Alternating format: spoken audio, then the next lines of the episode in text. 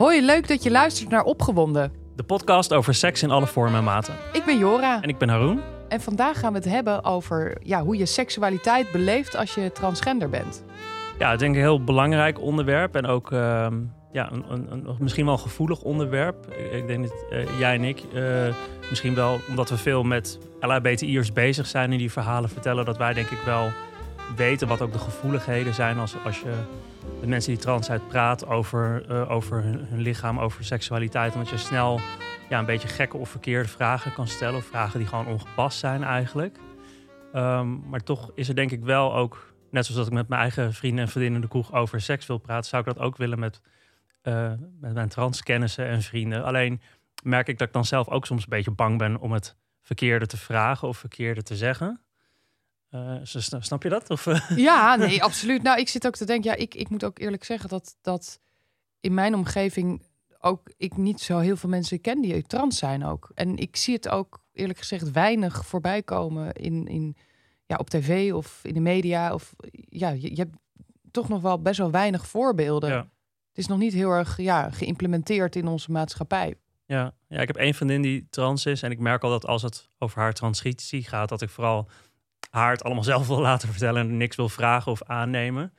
Maar dat ik ook inderdaad wel benieuwd zou zijn van, oh, hoe, hoe beleef je seks dan nu, weet je wel? En eh, ze heeft dan een vriend en hoe, hoe reageert die daarop, weet je wel? Dus eh, ik vind dat wel interessant en ik zou er ook gewoon meer over willen weten. En daar, daar hebben we een gast voor vandaag. Yes. Dina Diriket Bons, als ik het goed eh, zeg. Het is een hele mooie, chic klinkende naam. Zij is activist eigenlijk ook, een transactivist en ook actief in de politiek. Ja, ze Eh, staat op de kieslijst. De eh, kieslijst voor bijeen, ja. de gemeenteraadsverkiezingen in Amsterdam. Eh, dus daar gaan we het ook zeker over hebben. Wij hebben ook de vrijbrief gekregen vandaag om haar alles te vragen. Of nou niet alles, maar wel veel te vragen over haar seksualiteit en hoe ze seks beleeft. Dus ehm, laten we er vooral erbij vragen. ja, Dina. Dina, kom erbij. Dina met een mooie naam. Ja. En ehm, welkom. Dank jullie wel. En eh, ja, nou ja, sowieso hartstikke fijn dat je hier aan mee wil doen. Want nou ja, zoals we, we, we hebben misschien wat gevoeligheden. Of we, we durven misschien veel dingen niet te vragen. Maar jij heb je bereid gevonden om dat, Ja. eh, die rol op je te nemen. Eh, misschien eerst voor de mensen die je niet kennen. kun je even vertellen eigenlijk wat je allemaal doet? Want je doet heel veel. Ja. Wat ik vooral doe is me bezighouden met ehm, waar LHBTI'ers in de marge zitten. Dus waar je eigenlijk heel veel gemargina- gemarginaliseerde mensen hebt die leven met veel stigma's. Eh, om daar ehm, eigenlijk een, ook wel een politiek, maar ook inhoudelijke eh, een vera- verandering of een verbetering in te krijgen. Dus dat kan daardoor ook allerlei kanten op gaan. Dus Ja. ik hou me vooral bezig bij wat dicht bij me is. En dat is voor mezelf sekswerk. Dat heb ik al bijna mijn hele leven gedaan, zeg ik altijd. Maar vanaf mijn zeventiende denk ik dat ik wel eh, dat deed. Dus dat is iets wat heel dicht bij me ligt. En HIV kreeg ik op mijn 21ste. Dus daar ben ik ook heel hard in eh, eh, actief in geweest. En nog steeds. In het activisme, maar ook nu wel weer meer aan de NGO-kant. Mhm. Zo schuift dat zeg maar op. Hè. Hoe ouder je wordt, hoe meer je ook in het, in het nette leven gaat bewegen. Dus dan krijg je zo'n NGO-achtig eh, eh, profiel. En ehm, ja, transactivisme. En dat is eigenlijk het laatste wat erbij kwam. Want dat ben ik pas op mijn 32e echt geworden dat ik uit de kast kwam. Ja. Ehm, dus dat was best een lang proces. En ehm, En ehm, eh, je you should never ask a lady. Maar het is toch voor de Ja. luisteraar Ja. misschien goed om te weten hoe oud je nu bent. ik ben nu 51 jaar. Ja, precies. Dus eh, ja, bij bijna twintig jaar geleden eigenlijk uit de kast gekomen als trans. Ja. En, ja, ook in een transitie gegaan Ja. toen. Ja. Wanneer, wanneer kwam je erachter dat je, dat je in transitie wilde? Ehm, ik denk, ik, dat, dat is een goed, goede vraag. Ik ben op mijn 30ste, 31ste, toen dacht ik van 30ste vooral, van, nou, dat was voor mij zo'n keerpunt van, nou dan gaat zeker dat wilde eraf en dan krijgen we een soort van een rustig vaarwater. Eh, dat was niet zo. Ik werd steeds onrustiger en ik wist niet zo goed waar dat nou vandaan kwam. En toen ben ik eigenlijk met een psycholoog gaan praten en toen zat ik heel snel in de vuur eigenlijk. En daar begon het traject. Bij de genderpoli, Ja. zeg maar. Ja. Ja. Ja. Maar je, je beschrijft het nu als dat je dus onrustig was. ehm, want hoe uitte zich die onrust? Ehm, heel veel seksualiteit. Echt, echt eh, enorm veel seks. En op een bepaald moment ook dat ik dacht van ja, waarom doe ik dit zo, zo manic, zeg maar bijna. Eh, en vandaar kwam ik dus bij de psychi psychiater. Dacht van eh, ja, misschien is het wel een addiction. En toen was het heel duidelijk van nou ja, je bent eigenlijk iets, iets aan het zoeken. eh, maar op een manier, ja, dat, daar moet je echt eens mee gaan praten. Mensen die we iets beg- begrijpen over gender of gender in de zin van eh, transgender eh, zijn. Want je, je zegt dus, je was eigenlijk heel seksueel actief. Ja, je valt op mannen, of vrouwen of allebei. nou, eigenlijk primair op mannen. Ja, Of alleen. Dus je had gewoon seks met heel veel mannen, maar Ja. toen nog eigenlijk als gay Jongen. man, zeg Ja, maar. Ja. Maar niet, ik was wel heel eh, duidelijk altijd van het begin af aan ehm, heel bezig met mijn vrouwelijkheid. Mhm. Dus in een androgyne vorm man zijn, maar dan wel heel duidelijk vrouwelijk. Eh, was eigenlijk wat ik, wat ik probeerde te, te, te, te- nou, de- zeg maar, dat was dan mijn leven. En ik dacht, dat is het eindpunt wel, weet je. En hoe meer ik bezig was met die seksualiteit, hoe meer ik eigenlijk erachter kwam dat het een zoektocht was naar eh, een vrouwelijke seksualiteit. Hm. En, ehm, en dat dat onverzadigbaar was, want ik had natuurlijk dat orgaan niet. Dus ja, dan kan je wel heel veel seks hebben, maar eh, Wat, wat, wat, wat bedoel je er dan mee als je zegt van, hè, dus als, als eigenlijk androgyne gay man, zeg Ja. maar, was je heel erg met seks bezig en eh, nou ja, niet verslaafd misschien of misschien ook wel, maar je was he- heel erg met je seksualiteit bezig, en, maar heel erg vanuit een soort van vrouwelijkheid. Dus wat, hoe, en hoe- wat, bedoel, wat bedoel je daar dan precies mee, zeg maar? Ja, dus dat is zeg maar die vruchtbaarheid, dat was, speelde voor mij heel erg, eh, was een heel erg een rol in de, in de vorm van seks met mannen. Maar in mijn hoofd was dat een, een, een eigenlijk bijna cis-hetero vrouwelijke denkvorm. Hè? Ja. Dus, eh, dus de daad en dan het klaarkomen van die man. En ik was al helemaal altijd heel erg bezig met van, ah, misschien, eh, ja, eigenlijk heel raar, hè? Maar dat is bij de psychiater, die snapte gelijk wat dat, wat dat was. Van, eh, het was bij mij best wel op het vlak van biologisch. Vind je die man aantrekkelijk? Kan je daar een kind mee krijgen? Nou, Oh. Wat grappig. Ja, dus ja. daar was het heel duidelijk En, van. en om het eh, even plastisch te maken, je vond het dus ook fijn dan als een man in jou Ja. klaar kwam, Ja. zeg maar. Dat, dat, dat gevoel van eigenlijk eh, de, de, de vrouwelijke ontvangende partij zijn, Ja, dat, dat, dat vond je een fijne gedachte, zeg maar. dus daar zat ik eigenlijk ook natuurlijk in de knoop. Hè. Toen kwam ik er natuurlijk achter van, oké, wat zijn dan de mogelijkheden? En ehm, op dat moment ehm, was het nog zo dat alle trans mensen eh, die daarvoor gingen in het ziekenhuis ook zo'n heel traject moesten doen. Dus dat betekent een hele operatie met eh, geslachtsverandering. eh, terwijl. Ja, klopt. Dat is misschien goed even om uit te Ja. leggen. Want mensen weten dat inderdaad niet. Mhm. Dat inderdaad op een gegeven moment de wet, eh, leg het vooral zelf Ja. uit. Maar er was inderdaad een wet die eigenlijk zei van, nou ja, als je trans bent, dan moet je eigenlijk ook de Steriliseren. precies Ja, steriliseren, de volledige geslachtsverandering doen. Ja. Ook om inderdaad eigenlijk erkend te worden als gender wat je Ja, wil, zeg maar. En ik denk dat die gesprekken met de psychiater, die hadden ook natuurlijk gewoon heel goed door kunnen gaan. En dan had ik het begrepen en had ik me daarop kunnen, nou ja, dat je zegt, oké, ik accepteer dit, dit is mijn leven. Of ik, ik doe dat, ga dat toch een andere weg vi- vinden. Maar er was geen andere weg. Nee. Er was gewoon één hoofdweg en dat was volledige transitie. Ja, dus of je bleef man, of Ja. je werd volledig vrouw. Ja, en ook voor je paspoortgegevens natuurlijk. En toen dacht ik, ja, ja dat is gewoon een, een, een, een- Ja, dit is het. Dus dan ga je daarvoor. En ik, als ik er nu naar kijk, kijk al die trans mensen die ik ken... en de jongeren vooral, die hebben gewoon veel meer keuzes. Dus dan kan je ook veel bewuster eh, ingrepen laten doen... die niet zo ongelooflijk veel impact op je leven hebben. Want kan je eens Eh, vertellen wat die impact op jouw leven was, die ingrepen? Ja, nou ja, dus dat je gewoon van een penis, waar ik niet zoveel mee deed, maar dat maakt niet zoveel uit, want het is wel van jou, eh, eh, geen penis meer had en een vagina had. En ja, wat doe je daar dan mee? Ja, natuurlijk logisch als je veel seks hebt, dat je, dat, dat vanzelf wel komt, wat doe je ermee? Maar niet dat dat heel dicht bij je ligt. En daar moet je nog echt heel hard voor werken, voordat je accepteert dat dat dus jouw seksuele orgaan is. En ook denk ik, want kijk, als je een penis hebt die het gewoon doet, ook qua Ja. alle zenuwuiteinden en dat soort dingen. eh, van wat ik begrijp, als je dan hè, eh, daar een ander geslachtsorgaan van maakt, Ja. dat daar ook veel in toch, hoe goed dat tegenwoordig misschien ook kan, dat Ja. daar toch het een en ander in kapot kan gaan. Dat je misschien soms minder dingen voelt. Of, of dat het, de, sensatie toch niet meer zo sterk is als Ja. eerst. Hoe, hoe was dat voor jou? Nou, dat kan, hè, natuurlijk. Maar ik heb, die, ehm, ik heb gewoon geluk gehad dat, het- dat ik een hele goede dokter had. Ja. Dus dat werkt allemaal heel goed. En Ja. ik kan nog net zo klaarkomen als vroeger. En eigenlijk ja. beter, vind ik. Omdat ik niet meer mezelf met mijn eigen sperma hoef te confronteren. Dat vond ik altijd Oh, wel ja, heel ja, heftig. Ja.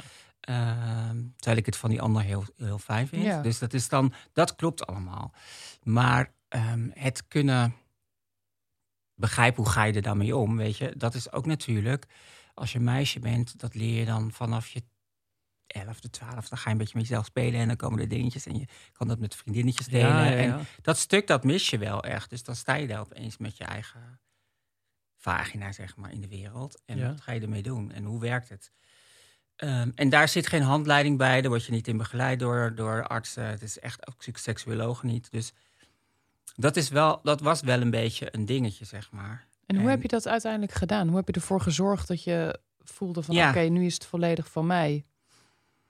Ehm, nou, het was wel, het is natuurlijk sowieso van mij, maar weet ik hoe ik het moet gebruiken Ja. en, wat, en hoe kan ik er zelf ook plezier aan beleven. En eh, er zit ook altijd best wel een grote angst voor, pijn, voor pijn, omdat die operaties natuurlijk super pijnlijk zijn. Eh, dus dat is al een ding waarvan je dan in het begin denkt van, oh, niet te hard. En eigenlijk, ja, is dat niet mijn gewone natuur. Dat was normaal niet zo, zeg maar. En dan moet je daar nu wel heel erg anders mee omgaan. Dus dan zit je ook met een beetje angst. ehm, van als het maar niet misgaat of eh, dan moet je weer terug naar dat ziekenhuis. Dus dat is wel een, dat, dat remt wel een klein beetje in je seksualiteit natuurlijk, hè, in het begin. En hoe langer je daarmee doorgaat, hoe meer in, in ease, het ease komt. Eh, en ik deed ook sekswerk toen, hè. Dus dat was wel een, een, een, een ja, weet je, dan ga je van ehm, seksualiteit met een penis en heel veel anale seks naar eh, vaginaal proberen, maar dan opeens dan toch maar denken van, ah, doe maar weer anaal, want het is allemaal zo Hm. Dat, dat legt natuurlijk nog veel meer extra Ja. druk op. Hè? Ja. Want je zegt eigenlijk, en normaal kijk, als je geopereerd wordt, dan ga je bijvoorbeeld daarna revalideren. Dan wordt er eigenlijk precies geleerd hoe je bijvoorbeeld een kapotte arm of een been opnieuw leert te Ja. gebruiken. Dat had jij niet. Er werd, er werd eigenlijk gezegd van, nou, wij hebben dit gemaakt, maar succes ermee. Ja, En dan heb je ook nog een, een, een beroep eigenlijk, wat heel erg gaat over seks, waarin je ook helemaal opnieuw daar... ja, dus klopt. dat, dat is wel, lijkt me ongelooflijk. Nou ja, op zijn zacht gezegd misschien bijna traumatiserend. Ja, dat is niet echt makkelijk geweest, denk ik. Maar je bent wel met allemaal trans mensen. Dus je hebt wel een soort van. En het is ook wel iets van met, met transsekswerkers, wel een soort van hardheid. Hè? Ik bedoel, als je daar heel erg. eh, allemaal heel erg emotioneel in zit, dan eh, denk ik ook niet dat je makkelijk dat vak kunt uitoefenen. Dus er zit ook een speelsheid en een gein en, en, en Ja. dat, dat wel. Maar uiteindelijk ben je wel thuis onzeker met je eigen lichaam. En ik dacht dat ik daar af was, want Ja. ja, daarom doe je natuurlijk ook zo'n hele traject. Ja. En dat heeft echt toch wel, denk ik, een jaar of drie, vier geduurd voordat ik helemaal into my body was en dacht: oké, dit is het. Dit is ook fijn. Ehm, en dan bouw je weer goede herinneringen op, natuurlijk, Ja. met leuke mannen en goede seks. Dus dan, ja, dat is het eigenlijk. Ja, want dat is ook zo- zo'n operatie. Die geeft je misschien het lichaam wat je wil, of voor een Ja. groot deel. Maar in je hoofd moet je natuurlijk ook nog wennen aan, je, aan, aan, aan het feit dat je eindelijk je gender kunt Ja. zijn zoals je wil. En dat heeft denk ik ook tijd nodig. Ja, en het gekke was dat ik eigenlijk altijd dacht van, nou ja, ik had die seksualiteit als jongen natuurlijk. Waarvan ik al dacht in mijn hoofd natuurlijk dat ik eigenlijk gewoon een meisje was. En Mhm. dat deelde ik niet met elke man, maar wel met partners. En die vonden dat natuurlijk uiteindelijk ook leuk. Ik had meestal wel getrouwde mannen. Als, als ik echt een relatie had, dan was het meestal getrouwde man met kinderen. Eigenlijk altijd. En dan, Mm. eh, ja, dat, dat, dat, dat zit er dan wel Ja. in het, in het, in je, dat paste heel erg in mijn, eh, hoe ik dat natuurlijk ervoer. Hè, zonder dat dat echt duidelijk voor mij nog was. Ik was nog niet bij die VU. Dit is het. Je bent eigenlijk een vrouw. En, ehm, en nu kan ik dat zeggen. Ik heb zusjes en zo en dan kan ik dat dan over hebben. En eigenlijk komt het allemaal vaak een beetje op hetzelfde neer. Dat je denkt, oh, jij hebt dat ook. Oh, wat grappig. Ah. En, en zijn de, de, de type mannen eh, veranderd eh, sinds je in eh, transitie bent gegaan? Waar je opvalt of, of waar je... Nou ja, die zich aanbieden, zeg maar, seksuele. Ja. dus dat kan zijn klanten of gewoon op straat. In het begin, in die hele transitie, toen het nog best wel duidelijk was. en ook eh, ehm, heel vers voor mezelf natuurlijk, was het ontzettend druk. Dus dan heb je een soort van hetero biseksueel, homoseksueel. Dat is ongeveer, nou, dat is een hele grote visvijver, Ja, toch? ja. Dus dan had het echt dat ik dacht, wauw, dit is alleen maar seks. Eh, hoe? Vroeger droomde ik daar best wel van als jongen. Maar nu was het wel dat ik dacht van, oké, wauw, kan ik niet even een beetje minder? ja. Taxichauffeurs, auto's, stoppen, de hele... Weet je, continu. Echt continu. En hoe meer ik nu, hoe ik werd zoals ik nu ben, hoe meer rust er ook in kwam. En wat, wat, wat, wat, En- wat, is, wat is het verschil dan? Ik denk dat het gewoon voor de meeste mannen gewoon saai is als je gewoon, zoals ik ben nu. eh, Oh ja? Denken, oh ja, gewoon een... Omdat je dan een soort van Nee. passing bent als vrouw. Ja. Er zit niet meer een soort van Nee. tussenin Nee. ding in. Je bent gewoon een hele, hele knappe mooie vrouw. Ziet ook hier, hier tegenover Ja. ons een hele mooie vrouw. Dat eh, zullen we allemaal erkennen. Maar, Ja. maar dat is minder. eh, ja, er zijn mannen Ja. die gaan voor iets wat meer ondefinieerbaar is of zo. Ja, en ook wel het, het, wat ik net zei, dan heb je eigenlijk dus al die categorieën mannen, van hetero, biseksueel tot en met homoseksueel. En dat is ongeveer wat je aantrekkelijk vindt op dat moment. Of seksuele eh, fantasieën krijgt bij je. En hoe meer ik natuurlijk gewoon een vrouw werd met een vagina en alles eh, zoals het is, hoe meer ik het moet hebben van eh spannend setje, eventjes een leuke date. weet je, dat, Ja. dat, dat, dat brengt de spanning, maar niet als ik zo over straat loop. Nee. Terwijl dat in het begin, toen ik nog heel duidelijk in die transitie zat met eh, best wel, weet je, dat je het wel kan zien, dat je denkt, oh wauw, er is wel iets gaande met deze persoon. Toen was het dus zo druk. Maar je, je, je, je zei eerder van ja, ik, ik had dan eh, ook partners die getrouwd Mhm. waren. eh, omdat je toen eigenlijk al, al vrouw voelde. Ja, En hoe is dat nu? Heb je nu een partner? nee. En, en als je een partner, eh, ja, als je, als je verliefd wordt, is dat dan nog steeds op een getrouwde man? Of, of Oh, is dat nee, veranderd? Nee, nee, dat heb ik helemaal niet meer. Nee, dat is echt helemaal weg. Eh, dat was eigenlijk in die tijd van homoseksueel naar transgender toe, zeg maar. En dat is natuurlijk heel lang, van mijn eh, 17e tot mijn 32e. Eh, ja, dan, dan zit je toch best wel meer in de, in de gay scene. En nou, jij weet allemaal wel hoe seksualiteit daar is. Het is niet echt heel ingewikkeld en moeilijk. Mhm. Eh, dus dat was voor mij de, ja, snap je? Dat was Ja. wel. eh, eh, en als ik daar dan iemand zat, bijvoorbeeld in een sauna of in, een, weet ik veel, in een darkroom, ik voel altijd heel snel van, oh, daar is, daar is iets mee die zal, zal wel getrouwd zijn. Of dus, weet je, dan mocht je niet bellen of dan ging hij je wel bellen en Mm. dan, nou, dan had je na een tijdje wel door, of het kwam heel snel ter sprake. En dan dacht ik, oh, dat is interessant.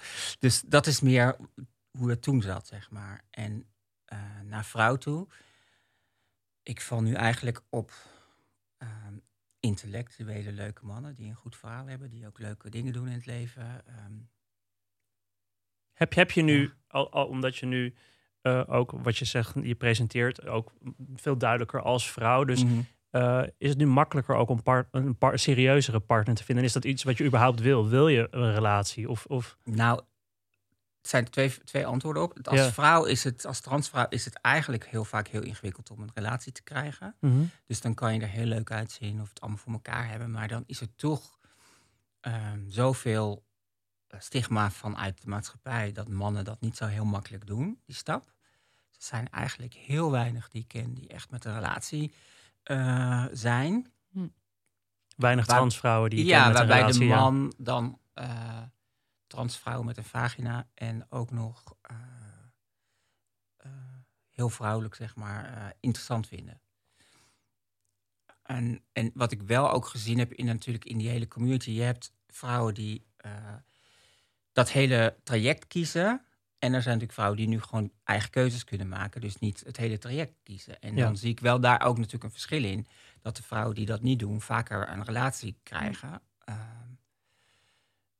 omdat, denk ik, heteroseksualiteit en even heel kort door de bocht homoseksualiteit eh, twee verschillende werelden zijn. Waarin een heteroman toch veel meer nog met druk vanuit de samenleving zit hoe je eh, kan presenteren met een partner in de buitenwereld. Op je werk, bij je ouders, eh, de buren. En dat zijn wel dingen die ik echt wel merk en voel. Terwijl als je dat zeg maar op het seksuele en het eh, een date hebben, of ach, als je achter de ramen zit of je werkt in een club, dan is echt, dan, dan is dat. Dan, dan merk je dus in de seksualiteit van die mannen dat er natuurlijk een heleboel verstopt, verborgen en niet, Mhm. Ja. eh, niet naar buiten kan. Dus dat zijn wel echt wel heel veel mannen die eigenlijk misschien denken: van, oh, als ik zo'n vrouw thuis zou hebben zitten, nou echt. En hoe is dat, hoe is dat voor jou? Het komt er niet van.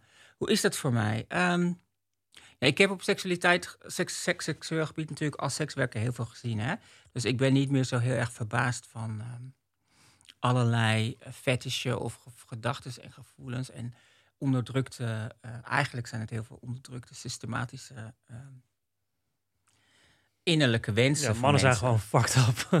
Nou ja, Ja, maar vrouwen meer in dat stuk ook wel. Ja. Maar Ja, maar meer dat je dus zegt van, nou ja, hè, op seksueel gebied eh, kan je wel nog van alles, maar als het gaat om een relatie, dat dat dus gewoon nog steeds niet, ehm, ja, eigenlijk maatschappelijk geaccepteerd is, of dat dat, dat nog steeds heel moeilijk is. ligt. Ja. Dat lijkt me soms best wel vervelend. Ja, het is, niet, het, het is eigenlijk een, een, een, een eenzaamheid die heel veel trans mensen wel herkennen natuurlijk. Hè? Dat je toch een beetje buiten de maatschappij staat. Het is een soort van... Er zit heel veel stigma en, eh, en ook wel haat omheen, denk ik. Eh, omdat het ook heel confronteert natuurlijk naar de ander toe. Met, de, met, die, eh, met die wensen en gedachten die je misschien onderdrukt. Mhm. Nou, dat Waarvan denk je ik, denkt, ja. ja, ik, ik ga daar maar niet mee in, want dat zie Ik denk dat heel veel mannen naar jou kijken en denken, oh, wat een mooie vrouw. En dan als ze dan weten van, oh, eh, jij bent trans, dat, dat activeert dan iets in ze van shit. Maar eh, wat, wat doet dat dan met Ja, mij? Wat betekent dat voor mij? Hè, maar ik was toch hetero? Ik denk dat heel veel van de haat van mannen jegens transvrouwen vooral voortkomt omdat ze niet met hun eigen misschien wel behoeftes of interesses overweg kunnen. Ja. En het eigenlijk projecteren op de transpersonen. En als ze dan naar een transsekswerker gaan, dat is natuurlijk best heel veel. Eh, want dat is het leuke, hè? als je zeg maar kijkt naar hoeveel aanbod er is van, eh van transsekswerkers en hoeveel vraag er ook is. Dat kan je natuurlijk online heel goed zien. Dan is het gigantisch. Het is meer dan hetero vrouwen, zeg Hmm. maar, in het sekswerk. En ehm, dat heeft er natuurlijk allemaal mee te maken dat er zo'n eh, taboe op zit, maar ook zo'n wens om dat wel eens mee te maken of om daar eigenlijk vaker iets in te doen, omdat het iets van dat verborgene, Ja. waar we natuurlijk Verboden vrucht. Ja, verboden vrucht. Dus dan is het wel een, een, Ja. een iets wat steeds meer eh, lokt. En je krijgt wel, ja, porno doet natuurlijk wel een hoop. En, Ja. ehm, ehm, Wat is eigenlijk de reden dat jij sekswerk bent gaan doen en nog Ja. steeds doet en daarvan eh, geniet dus? Ja, ook voor mijn community. Het komt eigenlijk vanuit het eh, heel jong al bezig zijn met mijn homoseksualiteit in een heel vrij milieu. Mijn ouders waren gewoon heel vrij en die hebben mij ook heel vrij opgevoed. Maar daarin wel zoveel vrijheid gezien, al als jong kind, dat ik dacht, ja, god, ik, ik wil echt niet zoals jullie worden. Ehm, ik, ik, ik hou dat... Wat voor, kun je daar voorbeelden van noemen dan? Wat, wat zag Nou je? ja, in de jaren zeventig was gewoon vrij, vrije, vrije eh, seksualiteit. En ook, maar ook de mensen om mij heen. Dus dat heeft wel te maken met ehm, ja, anti-autoritaire opvoeding, maar ook seksueel. eh, alles mo- mocht kon, geen vaste relaties. Eh, Maar je ouders waren ook zo, die waren Ja, ook die eh, waren polyamoreus, Ja. eh, lekker swingen, dat idee. Ja, en ook gewoon wel eh, niet zo in een hokje en zo. Nee. Terwijl ik dacht, nou ja, dan ben je jong natuurlijk in de puberteit, dan wil je er tegenin. En dan Ja. wil je dat niet precies zo doen. Dus daarom was ik ook bij met mijn homoseksualiteit best wel een soort van moeilijk en laat. En bij mij aan de overkant was een, een boysclub. En daar liep ik natuurlijk altijd elke dag langs. En dat trok me enorm. Maar die mannen die zagen me ook steeds lopen, die daar werkten en van wie die club was. Dus dat was Waar was dit? Waar ben je opgegroeid? Of, bij, eh? eh, ik, op het Singel. En dat was op de... In Amsterdam dus, ja. Ja, en dat was op de... Ah, even kijken hoor, de Spuistraat. Oh ja, dus dan ja. heb je zeg maar, dat was de Blue Boy. En dan daarboven zat dat. Met een, een pornobioscoop waar je dan ook in kon. Nou, en ja, ik zag er vroeger gewoon best wel bonbonnerig uit. Dus het was, ja, dan ben je 17 jaar, loop je met je hondje. En Nou, dan vind je nog steeds heel bonbonnerig. Dus zo is het gekomen om mijn seksualiteit te vinden. En wat ook een, goed- een, een bijzonder iets was, daar zag ik allemaal eh, jongens met een migrantachtergrond. Hm. En ik was opgevoed in een wit milieu als adoptiekind. En het was voor mij echt een soort van dubbele bevrijding. Dus ik zag allemaal jongens die Marokkaans, eh, Surinaams, Antilliaans. Ja, eh, andere mensen van kleur ja, eigenlijk. Want en wa- dacht wa- ik, wa- wa- oeh. waar ben je uit? uit Molux. Molux geadop- geadopteerd dus. Ja. Ja, ja, oké. En eh, ja, dat was voor mij een soort van en seksueel, maar ook dat was een Ja. verbondenheid. En het waren ook hele toffe, leuke gasten. We gingen naar het uitgaansleven, heel vroeg al in de Roxy en de IT. En dan zit je in een lifestyle, weet je. En mijn ouders hebben het ook nooit gek gevonden of zo, dat ik dat deed. Dus ik van ja, ik weet nog, mijn moeder vond toen opeens mijn eh, formulier van de, van de Why Not. En ja, dat was, die moesten gewoon om lachen. Ik dacht echt zo van, nou, dan vragen allemaal, lijkt me een vleesmarkt. Hoe lang is je penis? Hoe groot is je... Nou, echt. Maar Ja, dat ja, was ook al om sekswerk te doen? Ja. Of, oh, oké, ja, ja, Ja. ja, ja, ja. Dus, dus, dus dat- ja, dan moest je op het sollicitatieformulier invullen hoe groot je penis Ja, ja, al die, dat, dat soort dingen. Wat voor huidskleur, hoe je eruit zag. allemaal Ja. Van, op- Want dat waren ook een beetje een soort van escort bars of zo. Dus daar gingen dan Eh, mannen was- heen en daar liep je dan als sekswerker rond om, al- Ja. om als eh, klanten te vinden en, en een beetje aan elkaar gekoppeld te worden eigenlijk. Ja, het is dan gewoon een, het is echt een eh, seksclub. Ja, precies. Eh, dus, dus je komt daar en in de kamer. eh, maar er was ook wel eens escort. En er werden van. Ja, het was echt. Vroeger had je best wel veel gays bo- bordelen. Mm. Eigenlijk. Ja, ja, ja. Dus, dat, dus dat was het. Ja. En dat was mijn eerste touch of, touchbase met, eh, met mijn eh, LGBT-community. En ik vond het super fijn. Want je kreeg best wel veel oude mannen en allemaal eh, met superveel geld. Ik vond die mannen niet zo interessant, maar die wereld eromheen was gewoon tof. Weet je, het was echt De lifestyle, zoals je zegt. en, ja. en, en je kon ook gewoon in één keer heel veel dingen doen. Weet je, het was echt met toen nog guldens met veel geld. Hm.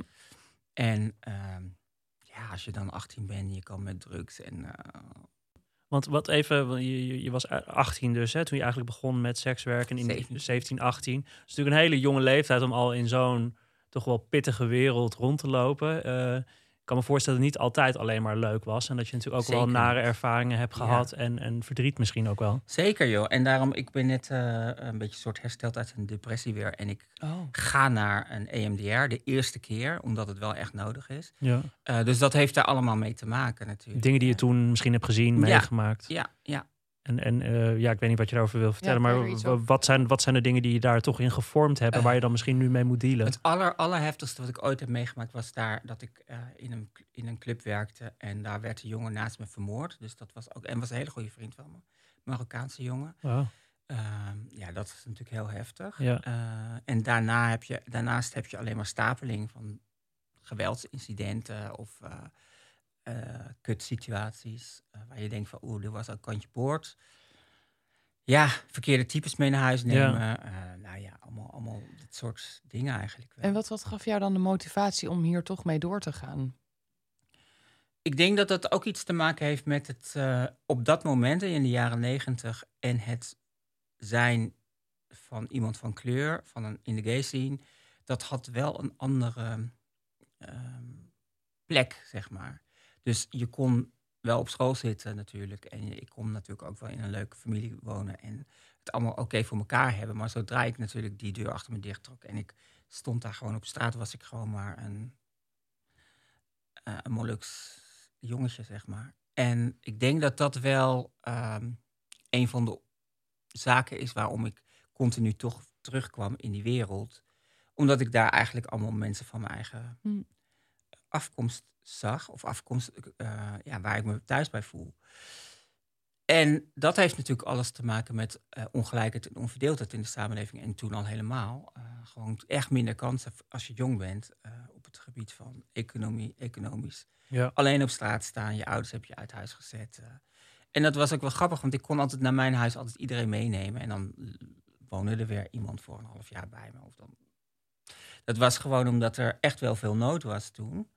En ellende. ehm, en nog heel weinig eh, opvang. Of er was eigenlijk helemaal geen, geen hulp voor dat stuk. Ja, het is natuurlijk ook wel een beetje verdrietig dat, dat, je, dat de enige plek waar je je thuis kon voelen was in de nacht. En ook nog eens in een soort van gevaarlijk deel van de nacht. Omdat je overdag eigenlijk nergens en bij niemand terecht kon en niemand je accepteerde. Ja, ja dat is misschien wel eh, een, een, een naar iets of zo, Ja. als je erover terugdenkt. Maar de kwetsbaarheid ligt hem ook wel vooral, en dat merkte ik natuurlijk. Ik had het wel oké thuis, hè? dus dat is, Ja. had ik mee. En dan wilde ik ook het liefste alle vrienden die, waar ik wel van hield, want je gaat ook van mensen houden natuurlijk op een bepaald moment. eh, ja, ook veilig hebben en daarin meenemen. Hè? Dus dat als, als ik wist van, oh, die heeft echt, die staat op straat of eh, zijn ouders eh, slaan of weet ik veel wat leef met HIV en er is niks te doen, eh, dan zei ik altijd wel tegen, van, tegen mijn arts: van, joh, dit is wel een dingetje. Ga, eh, mag hij hier blijven? Eh, en dan deed ik dat, dan, dan gebeurde dat ook. Hm. Dus ik heb altijd in mijn leven, altijd heel vaak, en dat is nog steeds wel het geval, dat ik altijd mijn community mee probeer te slepen naar een betere plek, waar het iets meer veilig is of waar je meer. Ja, waar, waar, want de transgemeenschap is, loopt gewoon groot gevaar. Op dit moment helemaal. Het is echt een, een gender backlash waar gewoon radicaal rechts eh, heel veel mensen met een hele sterke religieuze connotatie eh, tegen alles wat te maken heeft met LBT, maar zeker gender, eh, diversiteit. Dat is natuurlijk het meest makkelijke prooi, zeg maar, daarin. Het meest kwetsbaar. En daarin zie ik wel gewoon een verkrimping in die hele maatschappij. En dat is wel opzettelijk natuurlijk. Dus in Hoe, dat hoe stuk- merken jij en, en je transvriendinnen, zeg maar, wat merken jullie daar zelf van? Want inderdaad, in het debat g- gaat dat Mhm. zo inderdaad. Maar wat merk je daar zelf van? Hoe merk je dat, dat die acceptatie juist weer omlaag gaat misschien? Ehm, doordat je eigenlijk op straat continu eh, eh, eh, op je hoede moet zijn. Ehm, maar dat die, dat die kraan, zodra het alleen maar op seksualiteit is, dan staat die echt wagen, wagenwijd open. Dus daarin zie je dat als de mensen die jou op straat eh, eigenlijk in elkaar willen slaan of erger. En daarna krijg je hetzelfde type man in de app Mm. en je hebt Ja. hem ook in bed. eh, dan zie je wel dat er een, echt een issue is, denk ik, op, Ja. het, eh, op dat gebied. Is, is sekswerk dan, omdat je dan via dat sekswerk eigenlijk de, de bullies ontmoet en dan Ja. zelfs in bed, is dat voor Ja. jou dan ook een soort van vorm van activisme? Om, Ja. om soort van hè, die mannen eigenlijk nou, letterlijk, letterlijk bij de ballen te grijpen Ja. en te zeggen: hé, hey, luister, erken eens even hoe je er eigenlijk echt in staat. En Zeg- zeker dat ook in goed? het, ja, en zeker ook in het domineren, zeg maar. Als je in dat stuk van het werk zit, dan is dat ook natuurlijk heel duidelijk. Hè? Dat ze dat ook echt wel vragen aan je. Van, oh, ja, dat is wel de, de, de, Ja. waar, dat, dat speelt heel erg in de hoofden van mannen. Hè? Dan ben je daar seksueel aantrek. Dan wil je er eigenlijk door vernederd worden en word je daar heel erg opgewonden van. Eh daar moet je ook dat machtstuk heb je daar dan in. Eh, en, en uiteindelijk, zodra die persoon weer de macht heeft van het patriarchaat, wat aan hem kleeft, is het natuurlijk weer een andere Ja. eh, power structure. En dat vind ik wel steeds sterker worden. Ja. Hm. En even nog terug naar je eigen seksualiteit. Hè? Dus los van de mannen met wie je te maken hebt. Eh, je transitie en ook die hele weg daarna. En, en, en, en steeds meer misschien comfortabeler zijn in wie je zelf bent. Heb je ook gemerkt dat dat je seksualiteit verandert? Ik heb bijvoorbeeld ooit een Ja. keer een trans man geïnterviewd. Die Ja, ehm, ehm, op, eigenlijk eerst alleen op vrouwen viel. En door zijn transitie ja, en Oh ja, eigenlijk ja. onder invloed van ho- hormonen ineens merkte, ja, ik val eigenlijk ook op mannen. Dus dat, Ja. dat, en dat is wat je vaker hoort en wat je nog niet echt volgens mij heel erg met onderzoek kan staven, maar wel hoort. Ja. Van dat de, de hormoonbehandeling ook invloed kunnen hebben op je seksualiteit. Heeft dat bij jou op enige manier jouw seksualiteit veranderd? Of, of is die eigenlijk nog het- hetzelfde zoals die was? Nou, ik vind, dit is wel een mooie vraag. Want ik denk dat ik als, in mijn seksualiteit als jongen vaker heel soms af en toe versatile kon zijn. Mhm. Weet je, zeker met klanten. Dus dan, dan, ja, weet je, dan deed ik dat gewoon maar. Maar Niet wel gewoon het- met mannen nog steeds Ja. dan. Ja. Niet dat ik dacht van, oh, wat ga ik nou, wat sta ik hier te doen? Maar ik, ja, het, het gebeurde gewoon wel eens. Mhm. Eh, door dat hele, eh, eigenlijk die soort van chemische castratie, is, is, eh, word je al gelijk stilgelegd op het moment dat je daarin stapt. Door de hormonen. Dus dan word je, krijg je antiblokkers op testosteron en daardoor word je eigenlijk helemaal lam gelegd. En dan wordt daarna geopereerd en dan heb je niks meer over van dat. Dus dat is een soort van geleidelijke uitschakeling van alles wat een klein beetje met, laten we zeggen, de oude bottom en top. Ja, dus inderdaad, En even voor de mensen die dat niet begrijpen. Ja. Versatile is dat je het zowel fijn vindt om iemand te neuken als geneukt te worden. Dus als, als man zijnde eh, kon je af en toe inderdaad nog wel een gast neuken en daarvan Ja. genieten. Maar nou ja, los van dat dat dus fysiek niet meer mogelijk is, is die rol je dus ook eigenlijk afgepakt een ja, beetje. ja, zeker wel. En, en ik denk dat ik daar nu iets meer in begin te schuiven. Dat ik iets meer ook weer ook in het dominant. Want dat wordt natuurlijk heel vaak gevraagd van wie je me neuken. Nou, in het begin dacht ik, oh, moet je echt gewoon niet aan denken, weet je. Maar nee. dan, ja, met, eh, het is natuurlijk wel iets wat heel erg eh, we- gewenst wordt. Dus dat, dat, de vraag is hoog. En dan op een bepaald moment ga je gewoon maar een beetje eh, ook grappen met je vriendinnen. Van, joh, hoe doe jij dat dan? Trainen. En, eh, en ik heb natuurlijk, de meeste vriendinnen hebben een penis bij mij. Dus trans ja? vrouwen. Dus eh, ja, dat is toch grappig om dan gewoon daar... eh, hoe doe het ook weer? En eh is Maar het hoe, hoe, los je dat dan nou op? ja, met, dat dus- een, met een dildo, Ja. eh, eh, eh, strap-on. En dat gaat best goed hoor. Ja. Dus, maar eh, het is niet mijn... Ik word daar niet van, oh, ik ga dat even lekker doen. Nee. Nee, maar je lekker. zei net ook, eh, dus ik- de meeste vriendinnen hebben, hebben een penis. Ja. Eh, je zei eerder natuurlijk, ja, ik, ik ging in transitie en ik moest eigenlijk wel ehm, helemaal in transitie gaan. Ehm, ja, had jij dat eigenlijk anders gewild? Had jij ook liever nog je penis Nou, behouden? Ik, ik, als ik die vraag, eh, eh, of als ik, als ik dat eerlijk beantwoord, die vraag, dan denk ik zeker dat ik het nog wel heel lang over nagedacht had. Dus ehm, het is wel een, een, een, een ingreep die zoveel te, te, weet je, op, op zijn kop zet. Uh, in die tussentijd had ik ook heel rustig in dat lichaam met heel veel vrouwelijkheid en misschien mooie borsten en hetzelfde gezichtje en alles. Dat mm. ik het ook prima gehad. Ja. Zo zie ik het ook ja, om me heen. Dat de meeste meiden die ik ken, gewoon uh, ook in dat vak, uh, maar ook gewoon daarbuiten, ehm, veel meer ja, geluk vinden in hun, in hun lichaam. Zoals het is, met daarbij wat aanpassingen, zodat Ja. het ook fijn leeft, zeg maar. Maar Ja. dat is niet... Dat, is je hiervan niet- keuze krijgt voorgelegd. Ja. In plaats van dat het voor je wordt bepaald. Nou ja, en ik Ja. denk dat maatschappelijk gezien mensen heel snel denken... als je eh, trans bent, dan wil je dus per se ook helemaal bijvoorbeeld vrouw worden. Maar dat Ja. is niet zo. Nee, want, want kijk, die, die, Qua fysiek dan, hè? ja, die Want- binary is natuurlijk... Ja. En dat vind ik nu wel... Dat vind ik wel belangrijk om te zeggen. Dat is wel echt een, een westers gekoloniseerd concept. Dus dat je dus zeg maar denkt van er is alleen maar man en vrouw. En dat, Ja. hoort ook, dat past ook heel biologisch. Dat is allemaal zoals het is. Terwijl als je kijkt naar bijna alle eh, ehm, eh, geloven, religies, culturen... voordat de westerse mensen in die landen kwamen... was er veel meer ruimte op het gebied van genderdiversiteit. En dat is ook beschreven en dat is ook gewoon echt aanwijsbaar. In alle grote godsdiensten staat daar iets over in de boeken.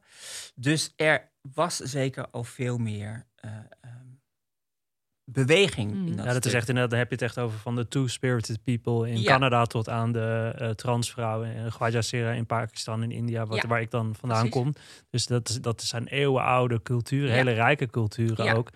En eh, dan weet je, dan komen bijvoorbeeld de Britten en die zeggen, nou, dat mag niet meer. Nee, met de Bijbel. En, Geef de Britten en- maar weer de schuld. Ja, maar de Bijbel kwam Ja. natuurlijk wel eh, eh, voor een groot deel eh, over de wereld. Die gewoon allerlei dingen af. Weet je, mannen in rokjes, nee. eh, eh, eh, gewoon niet. Nee. Want dat is, dat is wild en dat is raar met zo'n rietenrokje. En, al. weet je, dus die, die dingen zijn wel heel diep geworteld in hoe wij nu denken over lichamen. Nou, en ook wat de massa denkt, kan. denkt van, oh ja, als je trans bent, dan moet je ook helemaal Ja. passing zijn als de gender Ja. waar je voor gaat. Want we willen, je moet het vooral niet de rest eh, te moeilijk of Ja. ingewikkeld maken. Het is Ja. eigenlijk uit een soort van ongemak om daarmee te dealen. Moet jij eigenlijk helemaal aan het plaatje voldoen. Ja, en ook nu zie je dat vooral die in, in de, in de eh, feministische hoek eh, van, van een bepaald soort feminisme vrouwen ook heel erg bezig zijn met dat biologische concept. Hè, van Ja, dat, is, de eh, vrouw hoe en noem zo het, turf, turf eh, discussie hè? Ja. van eh, feministen die eigenlijk vinden dat transvrouwen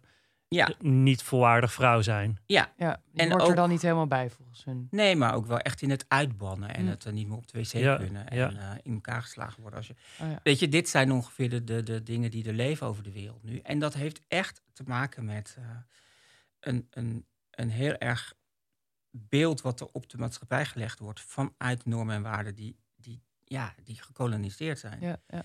En eh, ja, ik ben daarom ook wel echt fel daarop. Want ik vind gewoon dat als ik kijk naar de seksualiteit van de mannen die ik tegenkom in dat sekswerk, eh, daar zie ik helemaal niet dat gekoloniseerde beeld. En ook de seksuele fantasie zijn helemaal, passen daar helemaal niet in. En het mooie is dat je daarin, ehm, in de mensen zeg maar, die daar iets meer over nadenken en mee bezig zijn, heel vaak een goede, goede eh, seksualiteit daar komt, komt daaruit omdat ze dan ook begrijpen van, oh ja, shit, dat heeft echt wel te maken met dit stuk van, de, eh, eh, van, van het geloof. Waarin staat, en ik hoor altijd maar van, dat mag niet en dat ben je, en dan kom je in de hel en dat, dit is ongeveer het slechtste wat er is. Maar leg daar tegenover een, een, een vers of een, of een, of een mooi eh, verhaal uit, een, uit zo'n heilig boek, waarin dat wel staat, dan zijn mensen helemaal flabbergasted. Die gesprekken heb je ook met klanten? Ja. Dus, dus jij bent eigenlijk een soort van de dominee slash imam in de bedroom ook. Ja.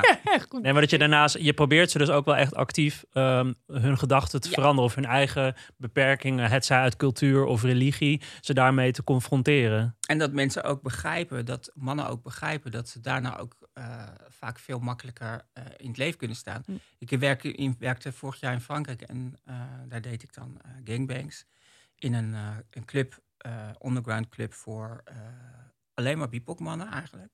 Dus er kwamen veel Afrikaanse mannen uit de suburbs, maar ook veel eh, Noord-Afrikaanse of Arabische mannen. En daar zie je gewoon, als je dat soort gesprekken hebt, want dat het heel erg opvoedend kan zijn. Hè? Hm. Dus dan vraag maar, waar kom je vandaan? Zeg ik, nou, wat is het voor domme vraag? Waar kom je vandaan? Ik kom Ja. uit Frankrijk, ik woon hier. eh, en net als jij, ik lijkt me, dat lijkt me wel genoeg zo. Wat, wat vind je van mij, zeg maar? Mhm. En dan, en dan zijn ze helemaal, ja, maar dat is toch een rare vraag. Ik zeg, nee, maar het is toch ook impertinent en gek. Dit is toch, als dat aan jou gevraagd wordt, voel je je ook kut. Want je bent gewoon een Frans, Fransman. Mhm. Ja. Dus waarom gaan we die rare spelletjes die, eh, die we buiten moeten spelen ook hier binnen doen? Dat Ja. En dat zet iets in gang, hè? Maar dat soort gesprekken heb je denk ik dan nadat de seks voorbij Nee, is. Daarvoor? Ja. Oh ja, oké. Misschien wel goed om even... Ja. Oké. En is dat dan niet... Dat is geen do- dooddoener dan voor wat er daarna nee, volgt nee, of zo? nee, zeker niet. Nee? Nee, Oh, nee. interessant. Nou ja, het, het geeft, als je het zo zegt, ook veel meer vrijheid. Ja. Dat je misschien iets los kan laten. Dat je niet eh, elkaar hoeft te veroordelen. Of eh, Ja. dat je niet beperkt wordt in je denken en ook in je seksuele handelen. Ja, en dat we daarin heel gelijkwaardig zijn. Ja. Ja. Dat geeft wel vrijheid, lijkt me, als je dat inderdaad vooraf bespreekt. Hey, en Dina, we gaan helaas alweer een beetje Ja, naar het einde. Maar wat, waar hoor. ik heel erg benieuwd naar ben, is eigenlijk... Je bent ook activist, maar je ook, gaat nu ook eigenlijk... Je wil heel graag ook meer de politiek in. Je staat dus op de kieslijst voor bijeen voor de Ja. gemeenteraadsverkiezingen. Ehm, hoe, al, met alles wat je meemaakt, hebt meegemaakt, alles wat jou heeft gevormd... hoe wil je dat vertalen naar politiek? Wat zijn dan de idealen waar je voor zou strijden? Ja, voor mij is dat eh, gelijkwaardigheid. Dus dat zeg mooi, dat past heel erg goed bij bijeen. Radicale gelijkwaardigheid. Ehm, en waarin je dus dit soort eh, eh, exercities die je dan nu één op één doet, gewoon eh, breed kunt doen voor de samenleving. Omdat ik wel zie dat wij steeds meer in een polariserende stad leven. En welke worden manier? gedrukt. Nou, arm-rijk, dat sowieso al heel sterk. Dus daarin zie je al heel snel dat je verschillende leefwerelden creëert. En ook nog dat het heel erg vaak nu duidelijk is dat er ook nog racistische eh, instrumenten of eh, structuren eh ten grondslag aan liggen. En ik denk dat dat gewoon veel wel belangrijk is om dat te horen uit mensen die daarin dat leven al hebben meegemaakt, maar ook ehm, naar, de, naar de rest van de stad toe. Daarin hoeven we niet tegenover elkaar te staan, maar daarin kunnen we met elkaar staan. Ja. En ehm, ehm, ja, en wat, waar ik even nog aan moet denken is, we, we begonnen eigenlijk het gesprek met van nou, hè, we willen eigenlijk ook niet verkeerde vragen stellen aan Ja. trans Ja. mensen. Eh, hoe, hoe, hoe vond je zo'n gesprek als dit? Vind je dit dan een respectvolle manier om over seksualiteit te praten met trans mensen? Zeker. En ik denk dat het goed is als je met een transpersoon bent en je denkt van, eh, ja, hoe gaan we dat bespreken? Eh, of, of het gaat over seks en hoe, hoe is het bij jou? Dat je altijd eerst even kunt vragen natuurlijk aan iemand van... joh, eh, ja, wij praten heel makkelijk over seksualiteit... omdat wij natuurlijk in een iets meer geprivilegeerde positie zitten. Hè? Ja. Als je Mhm. gay bent of Ja. eh, Ja. lesbisch... heb je toch minder die... die, die eh, Hang-ups, ja. Je, hebt wel een, je snapt het vanuit het Ja, gemarginaliseerde principe... maar je bent nog wel met, met more. Ja precies. En met, als je één iemand hebt en je hebt eh, in, een, in, een, in een gay club... heb je een hele hok vol met mannen... Hm. Eh, dan, dan is dat dus zeg maar al de balans die je natuurlijk ook normaal overdag op straat hebt. Dus de- dat je begrijpt en voelt dat er een, eh, een, een positie is van meer tegen minder. En dan is het altijd goed om even af te voelen, te checken. Hè, van, Van waar hey, ben je comfortabel mee? Ja, waar ben je comfortabel mee? Wij zijn heel open over onze seksualiteit, maar misschien is dat voor jou niet zo eh, Ja. makkelijk. Ja, En dan komt iemand vanzelf met Ja. daarin eh, eh, delen of ja. Weet je, hoe, hoe lekkerder en minder in zo'n ehm Ja, box het afgekaderd, zit. eh, ja, hoe, hoe fijner je daarin komt Ja. natuurlijk. ja. En ook wat, wat zijn misschien echt no-go's? Want inderdaad, ik denk dat er heel veel gewoon eh, eh, cis mensen die dan bijvoorbeeld homo of lesbisch of bi zijn, inderdaad ook denken van oké, maar wat moet ik echt dan absoluut niet zeggen tegen iemand die Ja. trans is? Of wa- wa- wat zijn dingen die je zelf misschien hoort en je denkt van oké, ik wou dat we hier nu wel echt eindelijk eens een keer vanaf waren. Nou, het, het, het gelijk naar, de, naar je broek willen grijpen. Of Ja. eh, Hmm. Eh, eh, hele rare vragen over hoe, hoe is het dan met zo'n kut? Of weet je wel. Ja. Ik bedoel, dat zijn dan van die Heel dingen. die Ik denk van plastisch. wauw, zijn Ja. eh, ik, ja. Maar dan denk ik eigenlijk ook wel. Fuck, ik ben vroeger ook natuurlijk gewoon zo gruwelijk geweest.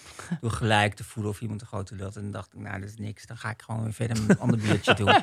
Dus ik snap wel... Hè, De eh, nieuwsgierigheid snap je Ja, misschien. maar ook wel de, onge, de, de, de ongeremdheid soms ook in onze eigen community daarop. Dus dat is wel iets wat... Trans mensen zijn wat... Die krijgen vaker klapper, klappen, sorry, Mhm. klapper, klappen.